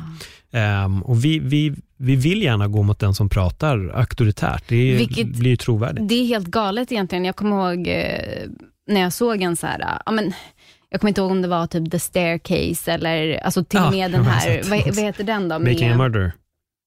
den med. det finns ju hur många som helst, men Mm. Ja. just det faktum att så här, i USA, jag vet faktiskt inte hur det är i Sverige, jag är så dålig på sånt här, men i USA så är det ju det vanliga så här, medborgare som avgör domen Mm. En människas framtid. Liksom. Det är inte folk som sitter på någon särskild kompetens, det är inte folk som sitter och har, alltså nu vet jag att det är inte alla som tror på IQ, men det, det, alltså det, är, det kan vara på riktigt vem som helst som sitter och avgör liksom, din framtid, vilket Mm. är ganska sjukt. Jo, men det är galet ur ett perspektiv också att det handlar egentligen bara om vem som har bäst, bäst vad heter det, advokater som hjälper dem. Ja, eller liksom, Absolut. och, och det är där också den motsatta sidan kan ju gömma Mm. massa saker. Just när du nämnde The Staircase, det är så roligt med han den här blodexperten, den här Ja. snubben som bara har alla svar på allting. Ja. Men sen när de väl granskar ordentligt så har han först och främst fejkat massa test. Han har gjort så Aha. att testerna har blivit så. Alltså han står ju och slår med den här pinnen Ja. och så slår han liksom först hårt och då flyger blodet åt alla håll och så börjar han slå mindre och mindre och mindre hårt och till slut stänker blodet exakt. Han bara, men det är så här han har gjort. Men då är det liksom alltså det, och då, då, den andra motståndaren du kan inte döda någon så. Slagen är för okraftiga. Mm. För att få den här effekten i huvudet måste du slå med den här kraften, men då flyger Mm. blodet flera Mm. meter upp. Mm. Medan deras stänk låg ju då så här tre decimeter upp från marken. De bara, det är omöjligt. Men däremot om personen har ramlat i trappan och slagit i huvudet, Mm. då finns en rimlighet att det kan ha blivit så här. Mm. Men han fejkade. Han, Mm. han Mhm. verkligen fejkade, han, Mhm. eller han, han gjorde testen så att de skulle ge dem resultaten. Han gjorde inte testen för att se vilka resultat som han, han gjorde test att resultaten skulle komma på ett speciellt sätt. Nu blir ju jag Det jättenyfiken, Ja. jag har ju sett The Staircase. Mm, och det som, finns fler delar. Aha. Eller vad då fler delar? Det är en serie menar du? The Staircase är en serie. Ja, Ja. ja, men jag tror att jag har sett hela. Och som jag minns det, Mm. så, så när jag hade sett klart hela så tänkte jag att han var oskyldig. Tänker du att han är skyldig? Nej, Jag tänkte att han var oskyldig också. Ja, du gjorde det. Jag tyckte att det fanns så mycket brister i själva bevisningen. Ja. Sen var det ju galna teorier, men, Ja. men, men, men jag kände väl själv att Alltså det, det låter ju som att hon har ramlat i trappen, liksom. att det är verkligen så här freak accident. Det var Mm. min känsla. Det var bara en helt sjuka omständigheter. Hon ramlar och liksom spräcker upp skallen. Och när de började då göra de testerna så pekade det mer åt att det var det rimligaste, men att han Mm. skulle slå henne med den här pinnen och de hittade ju den här pinnen och den har all, alltså, nej, det var, det var så mycket Och uh, i den. Making a Murder, vad tror du där? Jag tror han är sky- oskyldig alltså också. Ja, jag tror också han det. är oskyldig. Ja, och, Men, men där, jag kommer ihåg, jag träffade någon som bara, nej men han är ju 100% skyldig. mm, Och det tycker jag är så intressant när man, så här, man ser på samma sak Mm. och så kommer man liksom, alltså det, det är exakt samma information, men två personer Mm. kan, kan nå liksom precis motsatt, eh, vad heter det, conclusion, alltså Ja. slutsats. slutsats, exakt. Mm. Ja, men det är där du har det här också. Det är det som kan hända i en jury. Mm. Att alla måste vara eniga. Mm. Så till slut handlar det om att alla måste övertala. Och I vissa fall kan det ju vara att det är en person bara som tycker helt motsatt. Mm. Alla är klara, men den andra tycker motsatt. Då får de inte lämna. Det är därför de här överläggningarna kan ju ta flera dagar ibland. Vilket också alltså, adderar en helt annan, tycker jag, sjuk Mm. nivå, vilket är att så här, om du inte har en jättestark karaktär så kan du bara bli övertalad i en jury. Även ja, om så du, är det ju, Ja. absolut. Och, och det, det finns ju, det finns en gammal, och den är jättebra, det är en helt briljant film, den är svartvit, den heter 12 Angry Men. Mm. Och det handlar just om en jury, att de är i det här rummet och hur dialogen förs och hur de försöker omvända varandra. Eh, den är sjukt bra, men Mm. det är ja, det, deras system, det är ju speciellt på det sättet. Men sen är det också, alltså det är, ja, fan, hela deras rättssystem kan vi prata om i flera, flera timmar. Det är otroligt snurrigt där. Vi startar en ny podd tycker jag.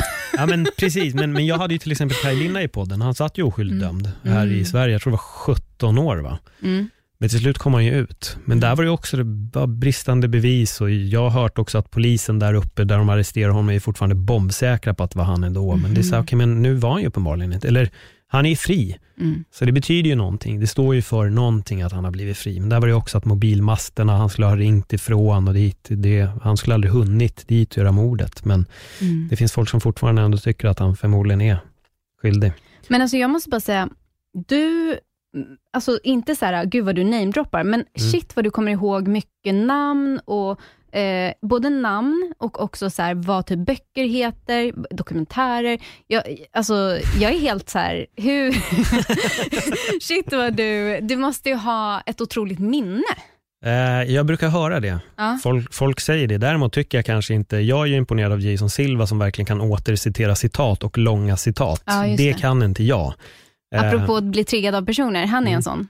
Jag kan inte kolla på hans grejer. Är det så? Jag, jag, när jag typ ehm, hör om honom och saker Mm. han har sagt, så blir jag så här, oh shit. Alltså jag blir liksom så här, Mm. jag, jag, vad ska man säga, tilltalas av det. Men så fort jag sätter på hans, liksom så här, ser honom, Ja, okej. så det, det är någonting som bara inte resonerar. Så det är också så roligt. Sen om tre år bara, han är briljant! Ja, ja, ja. Då, då har du smält. ja men det tror jag. Det tror jag. Så kan det absolut vara. Nej, men jag har hört att jag har bra minne. Det är som mina barndomsvänner brukar säga när jag träffar dem, att jag kan berätta saker som de i princip så har förträngt. Mm. Typ så här, fan alltså det där har jag helt glömt och så bara återberättar en jävla, och, så här, i detalj kan återberätta grejer. Ah. Jag vet inte vad det är, jag, jag tror att jag har ett väldigt bra långsiktigt minne. Jag kan Ah. minnas eh, liksom, saker som hände för väldigt länge sedan. Ehm, men sen är jag nog rätt duktig på att absolut memorera Ja, men det kanske jag är. Mm, jag, jag, jag tror det. Jag, jag går inte och tänker jättemycket på det, men jag har hört, du är inte den första som säger Nej, jag förstår det. det. Ehm, För jag tänker också, det är en sak att här, ta in information Mm. och eh, vad ska man säga, så här, ja, men kolla på en dokumentär, kolla på en film, kolla, eller läsa en bok. Men sen att komma ihåg vart man läste vad, Mm. vad boken hette, vad då kanske i ditt fall till och med komma ihåg vad författaren hette. Alltså det är ju verkligen en talang. Jag blir ju chockad över folk som inte kommer ihåg vad de har sett, eller vilken bok de har läst. Det är så roligt. Min mamma är faktiskt så, jag börjar garva, det var någon gång hon har, jag brukar kolla hennes bokhylla och ibland ta och låna böcker. Mm. Så jag bara, fan du har ju två av den här boken. Hon bara, ja jag vet. Hon bara, jag köpte den och tyckte den verkar bra när jag läste på baksidan, men samtidigt kände jag igen det på något sätt. Och sen när jag kom hem och hade läst 20 sidor så insåg jag, det här har jag ju läst. Jag bara, hur kan du inte komma ihåg? Jag minns ju alla böcker jag har läst. Alltså absolut, ser jag dem så kommer jag ju ihåg att den här har jag ju läst. Liksom. Det är för mig inget konstigt, eller film, jag vet ju. Men jag vet många som är så här, kan sätta på en film och typ en halvtimme in bara, fast jag tror att jag har sett den här. Men jag vet inte, jag memorerar väl det på något konstigt sätt. Mm. Sen kanske jag inte kommer ihåg annat. Det kan ju vara det istället. Jag kanske memorerar böcker och film, sen, eh, sen minns jag inte kanske dig om ett år. Jag bara, Va? vem är du? Vi har poddat upp. Va? Har vi? Ja. jag bara, ja. Nej men alltså, det är fullt möjligt.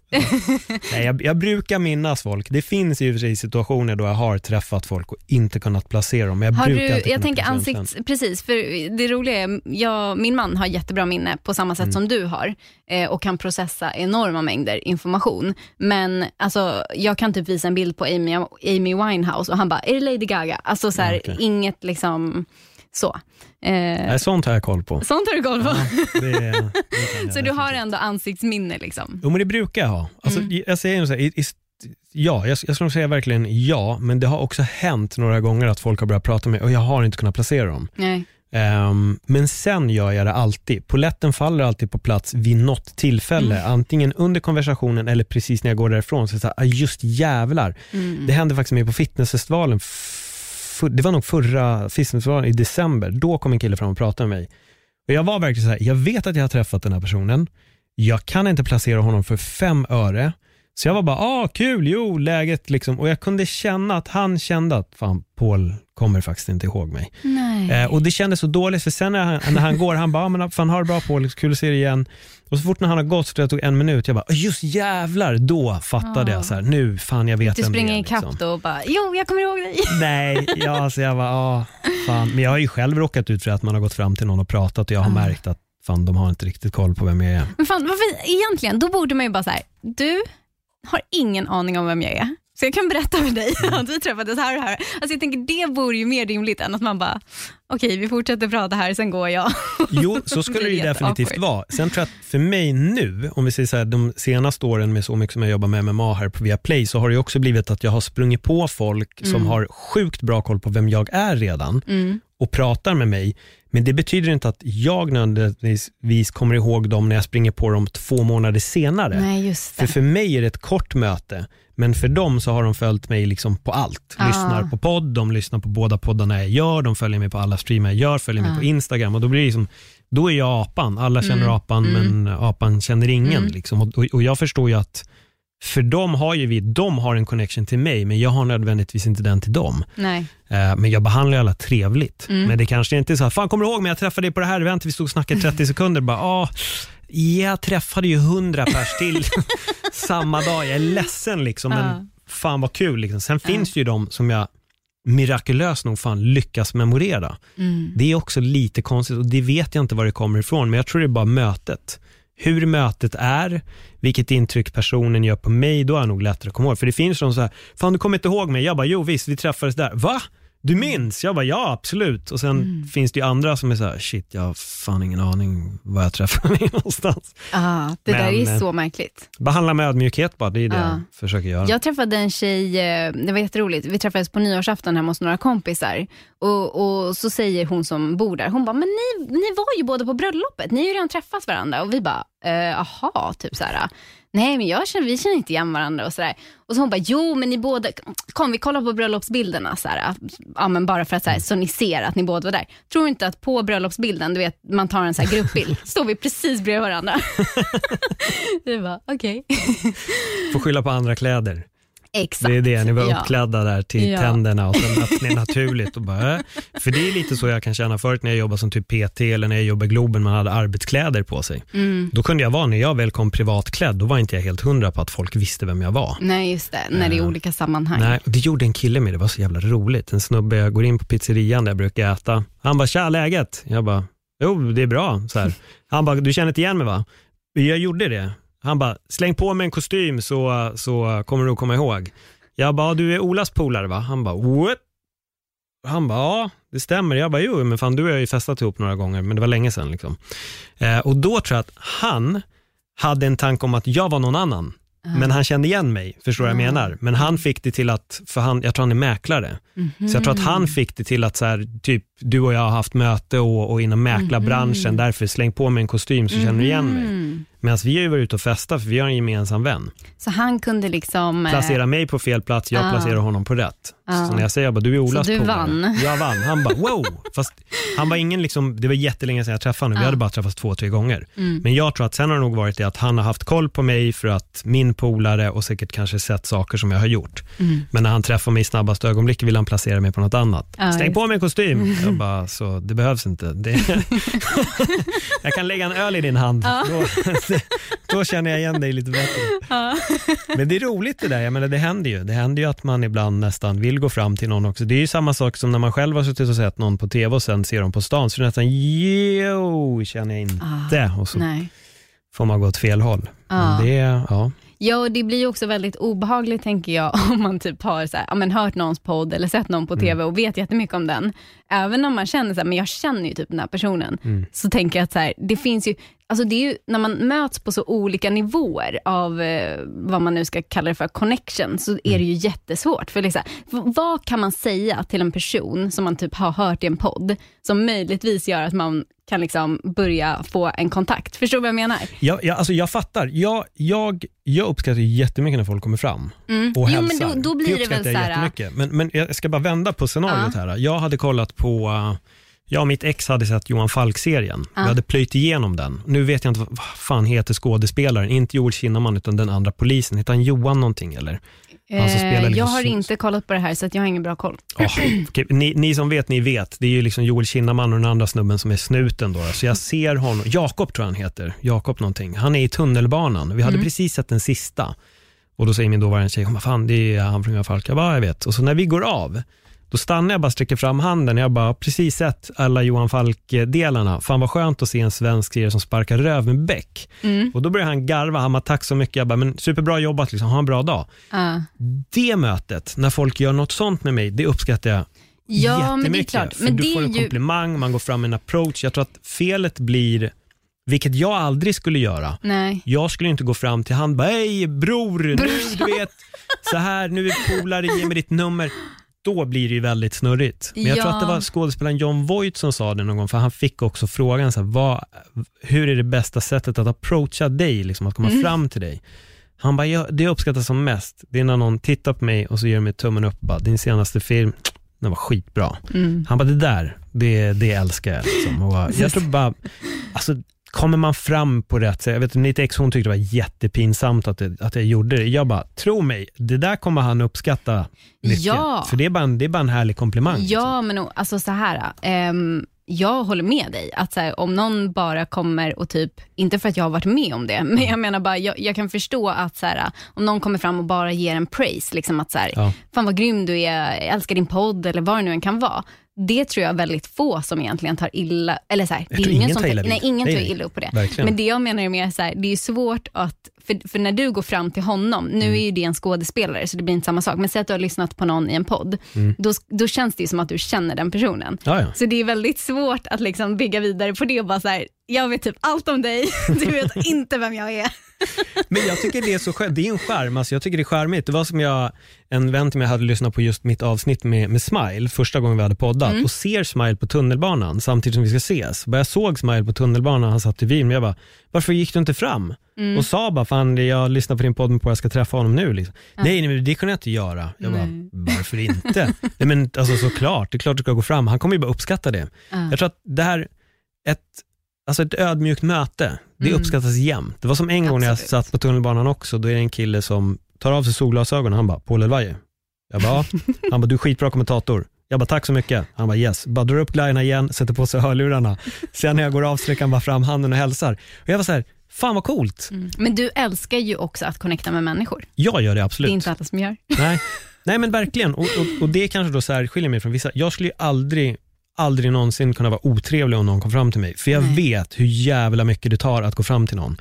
Jag råkade ut för, för en eh, jobbig incident. Den här har nog jag aldrig pratat om i podd, men nu bara rätt tillfälle. Det är inget speciellt, nu bygger jag upp det här mycket, mycket mer. Så kommer alla bara, va? Var det bara så där? Gud vad löjligt. Här bara hypar han upp hela den här situationen och så var det bara ingenting. Jag, jag hade en period där jag var besatt av U2. Jag tyckte de var så jävla bra. Alltså jag lyssnade på dem konstant, det är väldigt länge sedan. Och jag jobbade på Globen när jag var typ någonstans mellan, 20, mellan 18 och, eller mellan 20 och 24 jobbade jag i Globen. Och någonstans där hade vi då MTV Awards. Mm. Eh, så det var jättestort. Jag gick lite mer privatklädd, inte bara som vaktmästaren, utan jag klädde mig lite bättre. Och då är vi i entrén när alla dyker upp. Och då kommer Bono, kliver in och stannar exakt framför mig. Verkligen så precis framför mig, fast jag står mot hans midja om vi säger så, så han är på väg in. Men stannar verkligen exakt framför mig. Det är lite livat. Och jag sträcker fram handen och ska hälsa på honom. Jag vet inte riktigt vad jag säger, varpå han inte hör vad jag säger, bara lyfter upp handen och bara rock and roll och börjar gå in. Och jag var så här, oh fuck, nu är jag den där äh, människan som sträckte fram handen och blev inte bemött. Liksom. Och jag, du vet, jag skämdes verkligen. Jag bara, nej fy fan. Och då kommer gitarristen in, Edge, kommer precis bakom honom. Jag, jag skulle ju vilja sträcka fram handen och hälsa på honom här nu. Men jag vågar inte. Och han istället tittar på mig och vissa tittar på honom i två, tre sekunder. Jag bara, jag kan sträcka fram handen nu, men tänk om han går förbi mig. Jag bara, nej, nej. Två Jag- gånger på samma kväll. Jag gör inte bort mig Nej. igen och sen knallar han in. Men jag, jag vet, den där satt hos mig. Jag bara, fan alltså. Jag, jag, det, så, ingen bryr sig egentligen, men helt Nej. plötsligt var jag den där äh, personen som sträckte fram handen och fick Ja. den inte bemött och jag skämdes. Jag tyckte det var så pinsamt. Jag bara, fan. Fan vad pinsamt. Ja. Så det var väl min Var det min någon som såg? Ja, det var ju massa folk där. Ah, Hur okej. mycket som helst. Folk som fotade. Det var ju liksom Ah. när de, precis innan de ska gå in. Så det var ju egentligen kanske det som var det skämmiga. För mig ja. ja. Ja, Mm. Jag tror att han hade hälsat på mig om det inte vore för... Han hörde nog inte bara mig. Nej, nej, alltså, det, precis. det är vad jag tror. Han hörde inte att jag... Jag stod väl och halvmumlade och bara blö, tappade väl liksom... fan vad var jag? 22 och helt plötsligt stod liksom snubben som jag har, precis som du säger, som jag har lyssnat på hela tiden bara Du känner inte mig men jag älskar din röst. alltså, Ja, ja Men- det är speciellt. jag tror att vi alla råkar ut för det. Jag är nog bara så att när jag väl började producera sketcher på, på YouTube, de få gångerna jag blev igenkänd och folk uppmärksammade mig, eller när jag körde stand-up och någon kom fram, för det var en tjej som kom fram, hon bara du är den roligaste komikern, jag tycker du är jätterolig och jag känner mig som jag är idiot nu för att jag står och säger det här till dig. Jag bara, nej, det är värsta komplimangen. Ingen har sagt det tidigare. Tack så mycket. Fan vad snällt liksom. Ja, här, du kommer ihåg henne? ja, det här Förmodligen för resten av ditt liv.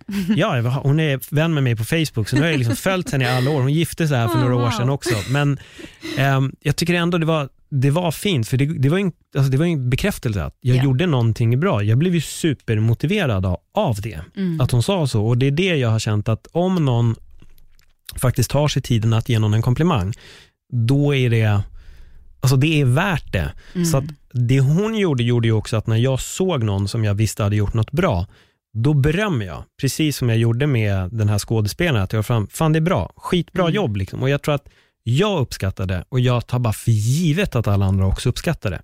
Men man får inte bli jobbig. Jag tror inte att man får inte fastna där och sen bara...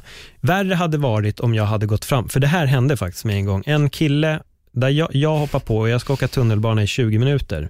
Och den här killen sätter sig framför mig och bara, tja, fan hur är läget? Jag har sett det här. Och jag känner så här, jättetrevligt. Samtidigt som jag så här, fast nu ska vi alltså sitta framför honom i 20 minuter. Och jag känner inte den här personen. Han känner mig. Det kunde jag känna bli lite jobbigt. Som vi säger, när jag gick fram till Jakob, han hade ju åkt liksom fem stationer mot mig. Jag gick fram när jag gick av. Men jag går inte fram direkt och sen ska stå och vara tjenis med honom i tio minuter. Det är där jag tror den här Ja, såvida man inte connectar som fan och helt plötsligt börjar prata om livet och så slutar det med att du vi åker 20 minuter till fan och snackar mer för det här var spännande. Men, men, Tänk hur många som drömmer om det liksom med sin idol. och jag tror att många gör det, därför finns det ju det här citatet också, att träffa inte dina idoler för att du kan bli besviken. Ja. Ehm, och det är, jag, jag tror att det ligger väldigt mycket i det. Ehm, jag, tror att man, jag, jag tror att vissa idoler ska man nog bara låta vara idoler och ha den här bilden av hur bra de är. Men jag tror att bemöter man folk bara snabbt, hej, grymt, liksom, ha en bra dag, liksom, det, det tror jag faktiskt alla uppskattar. Jag uppskattar det skitmycket. Eh, Men det kan bli intensivt om jag märker att fan, okej, nu vill den här personen liksom bara fortsätta snacka eller liksom typ, du kan vi gå och luncha eller gå och bara nej, alltså nej. Det finns, där, där finns det en magisk gräns, men, men det blir ju det att fan, ingen kommer våga höra av sig till mig igen. Det är det jag känner nu. Det så här, Va? Vill han inte käka middag med mig? Fan jävla Paul, jag trodde liksom att vi hade bondat. Men, eh, nej men ödmjukt och respektfullt bara gå fram och credda någon för det de har gjort. Det, det tror jag faktiskt att alla uppskattar. Det tror jag med. Snart kommer de till dig också. Bara, du, du känner inte mig, men jag har en sån här olja med varmkorv. Och, Ja, alltså, åh, jag hade blivit så glad på riktigt om någon hade den oljan. För då hade jag bara, vi tar den till ett labb, vi kollar vad det är i, vi brandar det här, vi gör värsta businessen av det. eh, inte den mest smickrande doften att gå runt och att lukta eh, i tre månader, kan jag berätta. Jag kan tänka mig det. Men du har ju kvar din man i alla fall, så det, han stod ut. Ja, alltså det, det är ju också det är ju ett mirakel, tänker jag. Att så här, bara träffa någon, vara med den i typ en och en halv månad och sen så bara exploderar hela dens ansikte. Alltså, ja, men, och, och sen bara så här, ja, ja, gilla läget. Det är jättefint. Ja, kanske gjorde dig starkare. Ja, absolut. Du, vi har suttit och pratat väldigt länge. Vi, vi hade definitivt kunnat spinna på vidare, Ja. vilket vi eh, kommer göra så, så sakteliga också. Men om folk vill följa dig på din resa, var, var hittar man dig? Eh, ja, men dels så hittar man ju mig eh, i podden, alltså Mm. där jag leder samtalet eh, och då är det Healthfulness-podden. Eh, och sen så kan man ju hitta mig på Instagram där jag heter Nathalie Jonan, bara mitt namn. Mm. Ja, det, Snyggt! ja, Fan vad roligt att få, få hit dig. Vi har ju småkonverserat lite på, uh, på Instagram du och jag. Det är Ja. så vi lite har hittat varandra. vi har ju många ämnen som vi inte har pratat om idag, som vi har pratat om på... Exakt, Mm. ja, vi, de smaskigaste ämnena de stannar på Instagram. Eller de Exakt. konspiratoriska, jag vet inte. exakt, exakt. Men vi kanske hinner prata lite om det när vi har stängt av, så det får ni inte lyssna på. Det får ni inte höra den här gången. Nej, precis. Det är nog säkrast så, tänker jag. Jag tror det. Jag tror det. Foliehattarna åker på nu. Exakt. Nathalie, tack för ett eh, bra samtal och kul att du kom och gästade Öppet sinne. Tack snälla. Mm, Tack för att tackar. jag fick vara här. Om ni uppskattar det ni har hört, dela jättegärna avsnittet med era vänner. Om ni, prenumerer- om ni inte prenumererar på podden, gör det. Gå gärna in och ratea den och lämna en recension på den också. Med det sagt, tack för den här gången och eh, ha det jättebra. Hej då!